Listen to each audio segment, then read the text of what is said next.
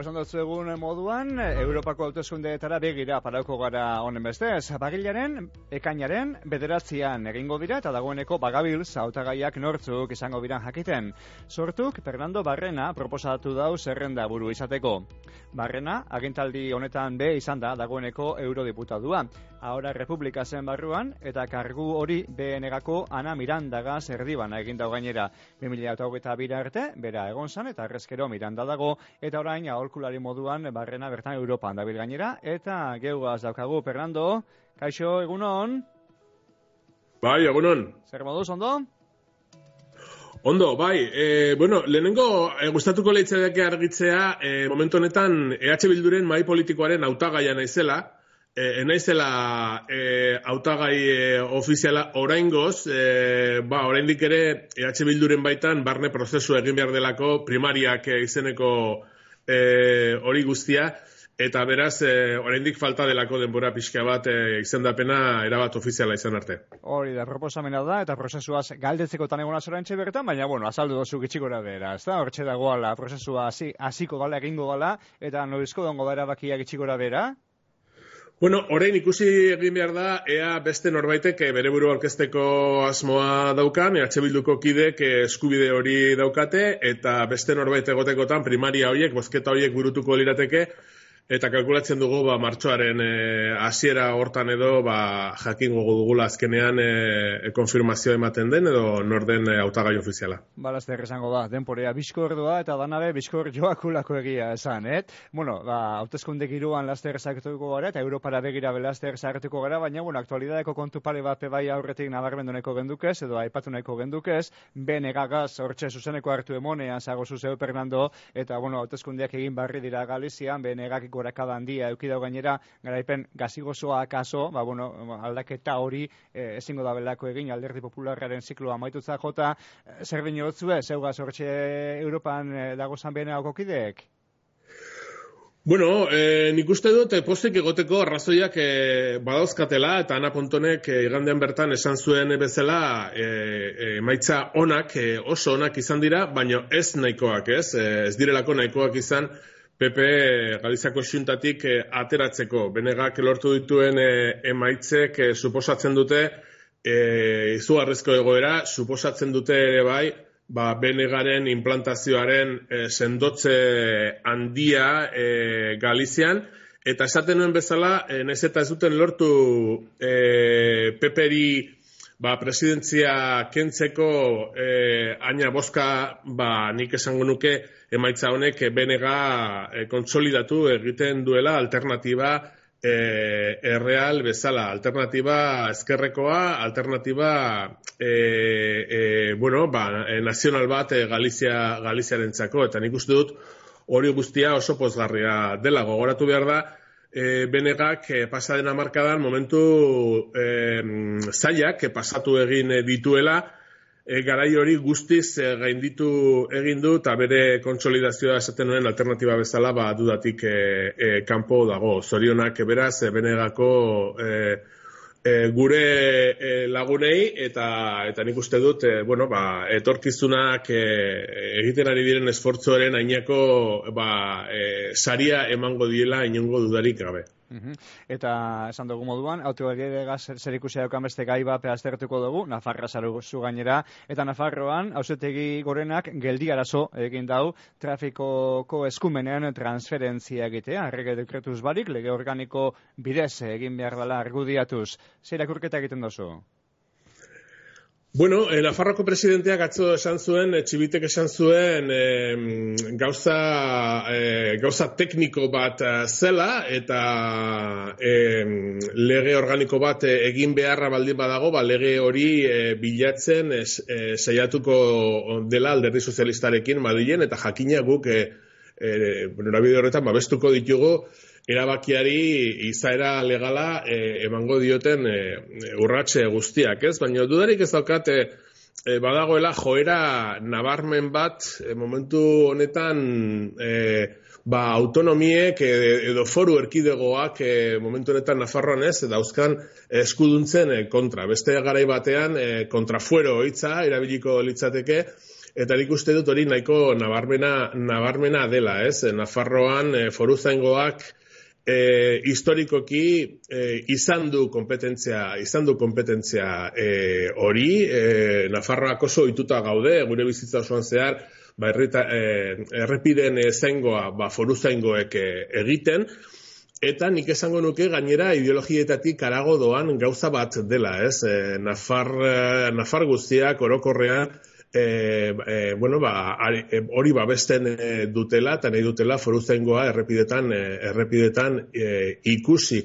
Beraz, e, bueno, ba, guk e, e, Nafarroan daukagun e, posizio politikotik e, e, presio, egin, presio egingo dugu, hain zuzen, hori gertatu dadin, e, behar den babes legala e, e, eman e, diezaioten erabaki, erabaki honi, eta ba lehen bailen e, e, asunto hau e, konpondu konpondu dadin, ez? E, bestela, e, bueno, ba, gauza hau azkar egiten ez bada eta eta bueno, ba, justizia administrazioaren bestelako e, bestelako stoporik e, jarri jarri gabe, ba orduan bai pentsatu egin beharko genukela benetan kontrafuero baten aurrean gaudela.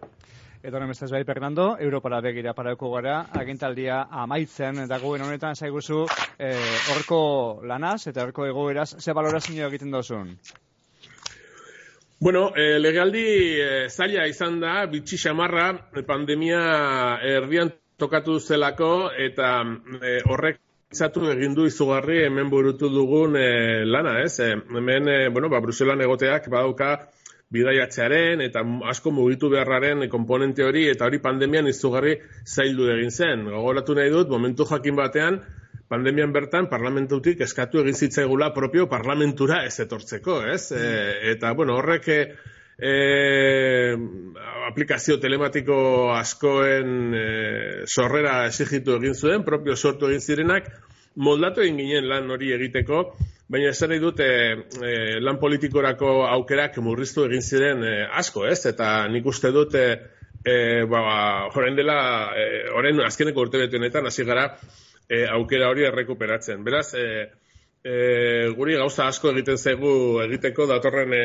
legealdian, eta gainera, Europa oso momentu e, berezia bizitzen ari den e, honetan, ez? E, e, zeinean, bueno, ba, datorren, e, datorren legaldi, le, legaldiari begira, datorren legaldiari begira horrikusi egiten den e, eskuin e, muturraren e, e, goraka da, eta honek izugarrizko eragina dauka egunerokoan. Asko eta asko esaten dute, bueno, ba, guri ze importa Italian ez dakizen gertatzen bada, edo Hungrian ez dakizen olako gobernu eskuin muturrekoa baldin badago, ba bai, asko inporta da, zen azken finean, Kontsei Europarrean erabaki asko hau batez hartzen dira, eta nahikoa da, ba, e, pare bat hiru estatutan horrelako posizio muturrekoak e, egotea, aukerarik ez egoteko, adibidez, e, migrazioaren e, arazoari, ba, baleko irten bide bat e, emateko, ez? E, presio egiteko eskuin muturrak lortzen duen eh, ahalmena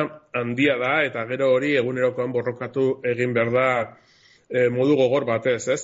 Horre guztia, nik esango nuke, ba, e, funtsean Europar integrazio prozesua arriskuan jarri egiten du, gainera e, munduan ba, e, ordenuaren birmoldaketa bat ematen ari den e, e, momentu batean multipolarritate bat bilatu, bilatu edo, Eta, e, bueno, eh, esago nuke labur bilduz, Europak oraindik ere, ba, aldaketa handiak behar dituela, ba, e, klase erretarrak eta langileak e, babesteko, eta nazio txikien aitortzaren alde, eta gu hor egonen gara, ba, Euskal Ikuspegitek aritzea guztiz derrigorrezkoa dela Bruselan e, la, e, zelan egin behar den, ba, ez, e, maigaineratzeakoan. Mm Gai ugari epatu dozu, eta besteak beste migrazioen gaia bai epatu dozu, gainera oker espanago zuzeu nahiko buru belarri, ibilizela horretan e, beharrean urte honetan. Zazoi batean akaso, ba, pilpilean begon zan, da asko aitatzen gendun, e, migratzaileen egoerea, refusatuen egoerea, elduz joia zala, urten bidiren bat topa behar zala eta bar, espaldion, ba, beharra da, honek albiste honek eta batxako zain beste ailegetan, e, dago kontua, zelan dago kontu hori gaur egun? Bueno, ba, berriki onartu berri da migrazio eta asilo paktu eh, berria, eta guk kritika zorrotza egin diogu ez dituelako konpontzen e, funtsean arazo, dauden arazo nagusiak, ez? Zegoen erreglamendu zarraren parte garrantzitsuena berretsi egin dute, eta beraz, Dublingo erreglamendua deitzen dana, eta horrek esan nahi du, ba, migrariak Europar batasunera heltzean e, refusiatu gisa edo adibidez e, e, Greziako irletara iristen diren momentuan edo Italia hegoaldeko e, lekuetara iristen direnean edo Kanarietara adibidez, ez? E, bueno, ba, aplikatu egin e, behar zaiela protokolo bat esaten duena, ba, bertan, e, e, zera, ba, tramitatu egin behar dutela asilo eskaera, ez? Horrek exigitzen du, e, exigitzen du hilabetetako prozesu bat e, eta e, migrariak edukitzea itxita ba, horren gorrotagarri eta Europa arresiaren simbolo bihurtu egin diren ba, itxitura horietan, ez? E, eta beraz, e, e, etzaie migrariei uzten, e, nahi duten lekura iristen eta horretarako bide seguruak e, antolatzen, ez? Eta horrek sortzen ditu oso egoera larriak, E, eta gu ez ez gea egoera horren urrun e, e, bizi. Bidasoa bihurtu eginda e, kanpo batasuneko muga zentzu horretan, ez? Eta ikusi egin dugu nola dozena bat inguru migrarik ba, bizitza galdu egin e, duten e, Frantziar estaturako jauzia e, eman nahi izan e, dutenean, ez? Beraz, gu uste dugu politika hauek errotik egin behar direla, onartu egin behar dela migratzeko eskubidea ba, giza eskubide e, bat dela, eta zentzu horretan babilitatu egin behar direla bide seguruak e, migrariek iritsi nahi duten lekuetaraino e, joan daitezen eta bueno, orain arte ezagutu egin dugun e, Mediterraneoan bereziki ezagutu egin dugun ba, egoera lastimagarri hori behin betirako amaitu dadin. E, azken aldion, bestalde, lehen sektorekoen protestaldiak bizi izaten be ibili bagabilz, Europagaz azarre dagoz gainera. E, zuek horretez lan ikusten zabiz hau egoera hau, eta Europatik zer egin leiteke egoera hau betzeko?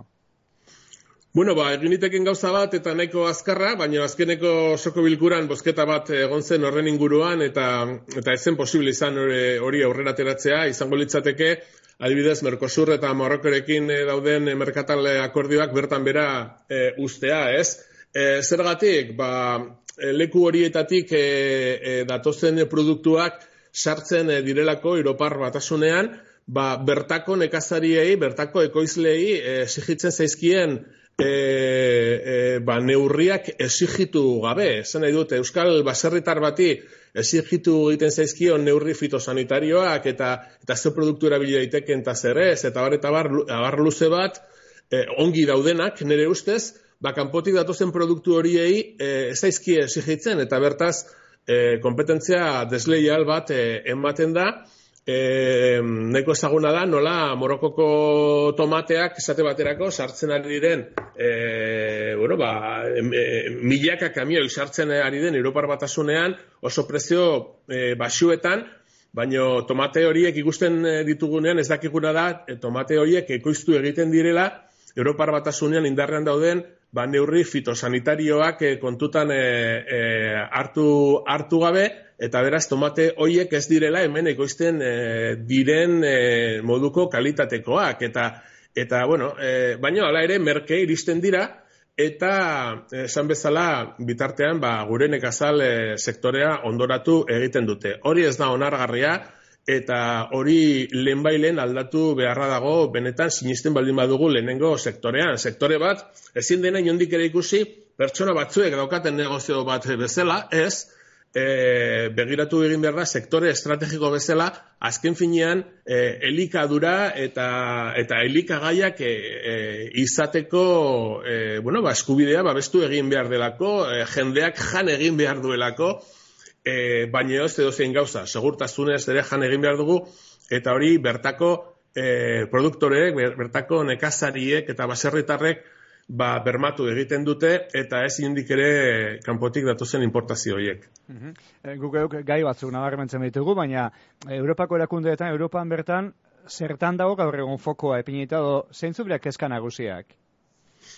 Bueno, ba, nire ustez, e, nekazariek egindako mobilizazio, e, mobilizazioak eta gero, e, espero, espero zitekeen e, erreakzio positibo bat, eta beraiek argudiatutako arazoen e, inguruan, ba, konponbide batzuk jartzen astea, baino gure arridurarako e, ez da hori gertatzen ari. Aurrekoan e, von der Leyenek, e, e, komisioko presidenteak, esan zuen, e, e, zera, ba, dibidez, e, bueno, ba, e, produkzioi eta e, botatzen e, zaizkien produkto kimikoen inguruko e, ba, erreglamendua moteltzen joango dela, ez? Ba, zeuden epe batzuk e, jarrita, herbizidak, plagizidak eta loko em, gauzen erabilpen, erabilpenaren murrizketarako desagertu arte, e, kontsumitzaileak babestu behar gaituztelako eta gu e, erabat gaude ados horrekin,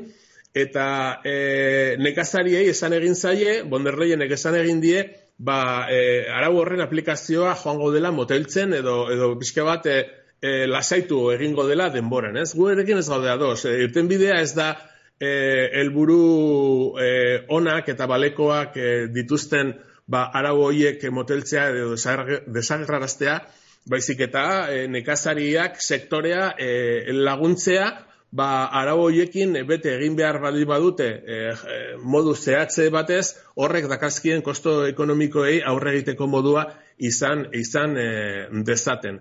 E, ezin da inondik ere balantza batean ba baserritarren e, ekoizteko eskubidea eta gainera hortik bizitzeko eskubidea eta gero e, e, balantzaren beste aldean ba herritarron herritarron e, osasuna eta osasun e, baldintzak e, babesteko hartzen diren erabakiak e, ezin dira inondik ere kontra kontraesankortasun batean e, kokatu Von der Leyen aipatu dozunez, e, barriro aurkesteko asmoa agertu da, zelako albistea da, usuretzat?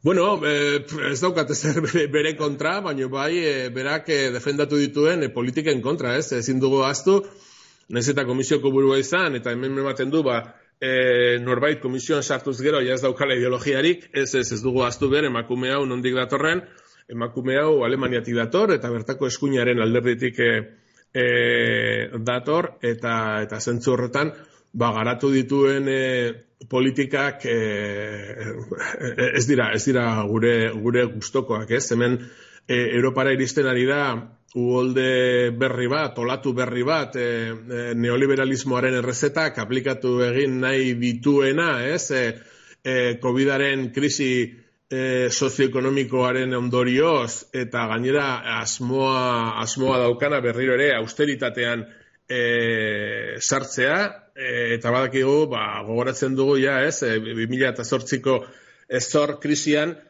ba, austeritate neurriek zer ekarri ziguten, eh? giza eskubideen e, murrizketak, eta ba, ba, gizarte, Europar gizartean, ba, e, e, babes sozial e, gehienak eta handienak behar dituzten e, sektoren e, pobretzea, ez? Eta, eta zentzu horretan, e, nik uste dute bonderlaienek, e, irudikatzen duela, simbolizatu egiten duela e, oso modu, oso modu e, garbian, ba, horrek e, ekarri dezakena eta horren arte, bueno, ba, martxan jarri egin diren e, eskuineko politikak eta beraz, bueno, nire ustez ez da, ez da berri hona, nahiago nuke edukitzea pertsona bat e, ba, e, eskerreko e, bizio progresista bat e, daukana, eta behintzat, e, bueno, ba, e, babes sozialen alde e, inongo zalantzari gabe egingo lukeena.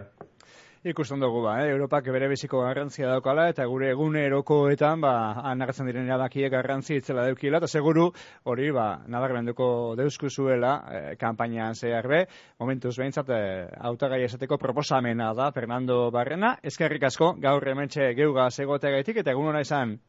Bai, nahi zen arte, bezalkada bat. Agur, bai.